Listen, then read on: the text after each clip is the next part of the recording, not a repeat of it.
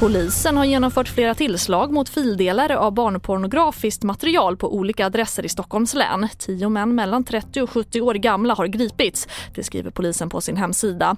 Samtliga misstänkt för grovt barnpornografibrott och enligt Aftonbladet deltog både regionala och nationella insatsstyrkan i razzian.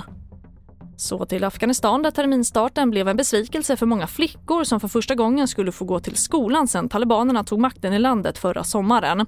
Nyhetsbyrån AFP rapporterar att flickor har skickats hem från flera skolor bara timmar efter öppnandet. Därmed tycks talibanstyret ha brutit sitt tidigare löfte om att alla barn ska ha rätt till skolgång.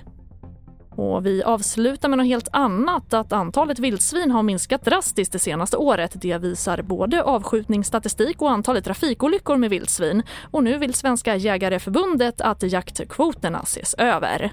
Nu har jägarna visat att vi kommer inte att drunkna i vildsvin i Sverige. Vi har kontroll på läget. Eh, sen tror jag nu behöver man ta en dialog lokalt och regionalt. Hur mycket vildsvin ska vi egentligen ha?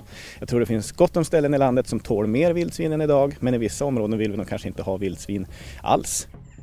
Och det sa Daniel Ligné som är riksjaktsvårdskonsulent på Svenska Jägareförbundet och får avsluta TV4-nyheterna. Jag heter Charlotte Hemgren.